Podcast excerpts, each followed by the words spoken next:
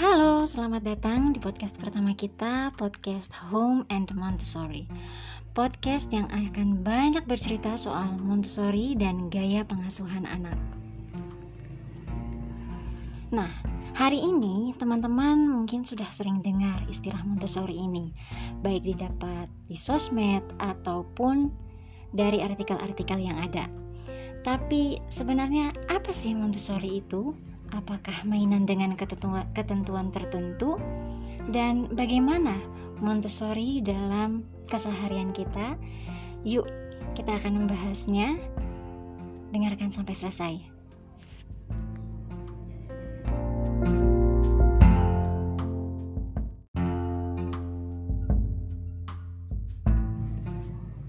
Metode Montessori. Ini adalah metode mendidik anak yang membuat kita melihat anak dari sudut pandang yang berbeda. Sudut pandang seperti apa? Nah, kita akan menjadi paham kenapa anak berbuat seperti apa yang dia lakukan. Jadi, segala sesuatu yang ia lakukan pasti ada maksudnya. Anak tidak pernah berniat buruk. Dan ada sudut pandang di mana kita sebagai orang dewasa perlu melakukan observasi bila ada hal yang tidak kita pahami dari perilaku anak. Apa sih yang sebenarnya sedang dilakukan anak? Nah, kita sebagai orang tua sudah sepatutnya untuk meningkatkan value kita dalam mengasuh anak. Kita akan lebih paham dengan situasi yang sedang dialami anak dan bagaimana cara meresponnya. Nah, bila anak tantrum, mungkin saja sedang bosan atau sedang lapar. Jadi, kita perlu ya untuk mengetahui akar permasalahannya.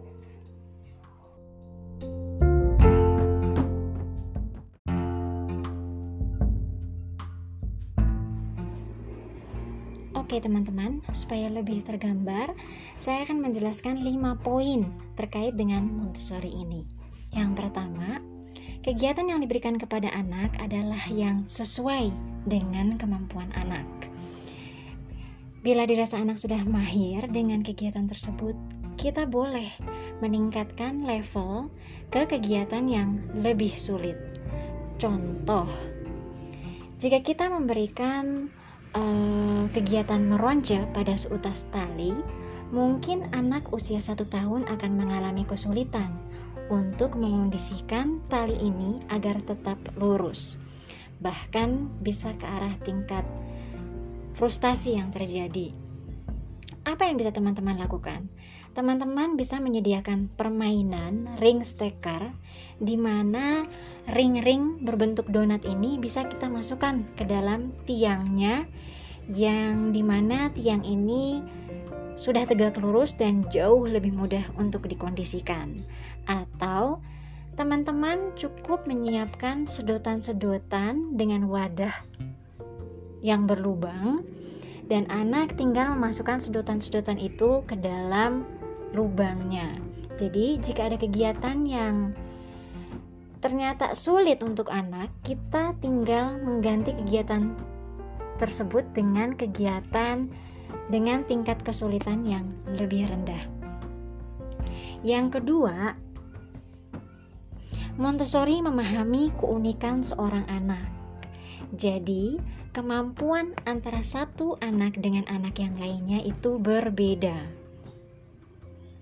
cara pandangnya, cara berpikirnya, pendapatnya, bahkan sumbangsihnya di dunia yang mereka berikan, berikan adalah sesuatu yang harus juga kita perhitungkan. Jangan mentang-mentang masih anak-anak nih. Mereka tahu apa? Justru dibalik. Kita membuat mereka agar bisa percaya diri, kita membuat mereka agar merasa dirinya berharga. Jadi, anak adalah manusia yang unik biarpun uh, usianya sama nih dengan temannya sama-sama 4 tahun belum tentu kemampuannya sama yang ketiga Montessori ini mengerti anak sehingga anak ketika belajar mereka nggak harus duduk diam baru kita bilang sedang belajar baru kita bilang dia adalah anak yang penurut Justru anak itu sangat senang untuk bergerak. Dan dari kebebasan yang kita berikan itulah anak sebenarnya sedang belajar menginstal beragam informasi dari lingkungannya. Nah, ini bisa jadi bahan pertimbangan juga nih ketika kita memilihkan sekolah untuk anaknya. Carilah memang sekolah untuk anaknya yang di mana sekolahnya itu mengerti akan kebutuhan tumbuh kembangnya si anak. Yang keempat, soal Montessori yang perlu teman-teman pahami adalah adanya inner teacher. Nah, apa sih inner teacher ini? Inner teacher adalah sesosok dalam diri anak yang apabila kita biarkan, anak tahu apa yang harus dilakukan. Contohnya begini, uh, sering kali kita temukan bahwa di dalam suatu ruangan yang gelap, anak akan berpikir untuk mendapatkan cahaya. Kemudian anak mencari bangku dan mendorongnya mendekati saklar lampu. Nah, untuk gaya yang konvensional masih sering kita temukan, aduh ngapain sih main-mainan kursi? Bahaya naik-naik ke atas dan sebagainya. Kita sebagai orang dewasa cukup mengarahkannya saja, mendampinginya, dan membiarkan anak menyelesaikan pekerjaannya. Nah, dan didapatkan ternyata anak hanya ingin menyalakan lampu kok agar bisa melihat dengan lebih jelas. Nah, e, fitrahnya seorang anak ini yang nalarnya jalan, jangan sampai kita halangi atau kita hentikan. Jadi, ketika anak sedang merasa wah gelap nih dan membuat rencana membutuhkan kursi dan ingin menyalakan menyalakan lampu. Nah, rencana atau ide seperti ini seharusnya kita fasil kita fasilitasi. Kemudian, uh, inner teacher ini sangat bisa berkembang jika kita berhasil mendampinginya uh, menemukan anak dengan si inner teachernya itu sendiri. Dan yang terakhir, dalam Montessori kita tidak melabeli anak dengan uh, label-label negatif seperti aduh, nakal banget sih. Susah diatur atau please dong jangan aktif dan anak-anak kok berisik banget dan sebagainya.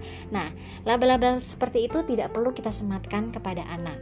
Dalam Montessori, teman-teman perlu ingat, kita tidak menyalahkan anak, tidak perlu mengomentari dan tidak menginterupsi pekerjaan anak.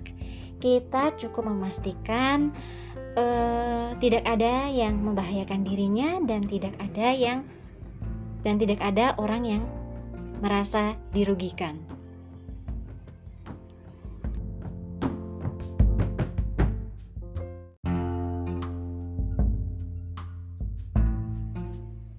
Oke, supaya tambah lebih jelas lagi, Bagaimana kira-kira Montessori dalam keseharian? Nah, ini pasti udah biasa banget kita temukan kasus-kasusnya.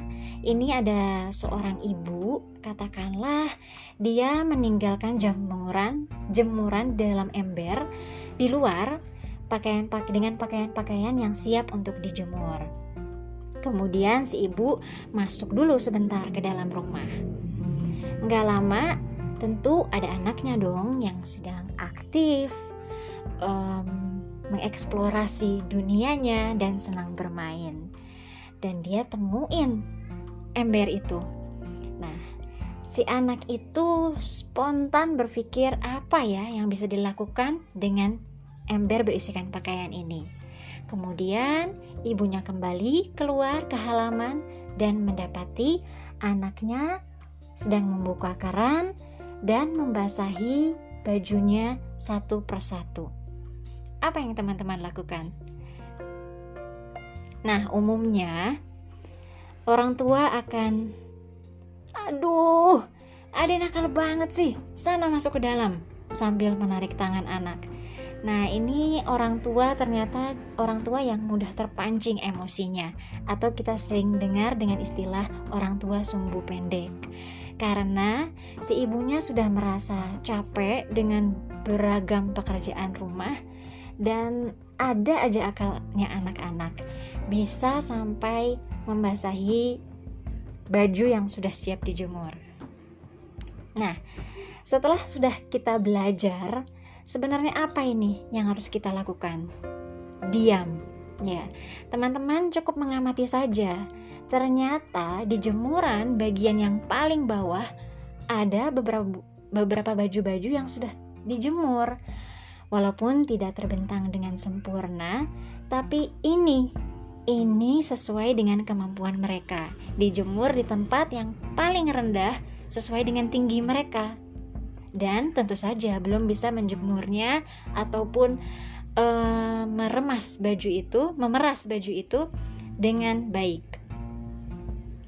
Kemudian uh, kita sudah paham dong bahwa anak mereka itu peniru yang ulung. Mereka biasa melihat kita kok kalau di kamar mandi baju sering dibasahi oleh ibunya.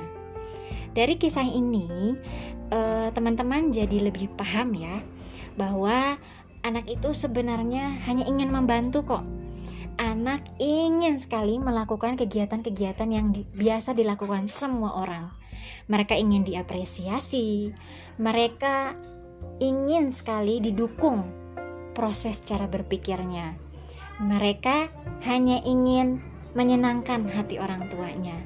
Anak mana paham kalau baju itu perlu diremas dan jika sudah siap untuk dijemur tidak perlu dibasahi lagi gitu. Mereka belum sampai ke sana. Jadi, kesimpulannya eh, jika kita menghalangi atau menginterupsi pekerjaan anak, mereka akan merasa tidak dihargai. Mereka akan merasa dirinya bersalah. Mereka diciutkan perasaannya. Mereka dihalangi rasa ingin tahunya. Mereka dihalangi rasa ingin belajarnya. Sebaliknya, jika kita sudah paham dengan anak, tidak berkomentar, tidak menginterupsi, mereka akan tumbuh kok percaya diri mereka. Mereka yang paling penting akan merasa aman dengan ibunya, merasa aman dengan lingkungannya. Mereka merasa dihormati, mereka akan merasa bangga, dan mereka merasa bahagia dan merasa disayang. Hal-hal hal-hal ini uh, sudah seperti yang semua ingin kita rasakan.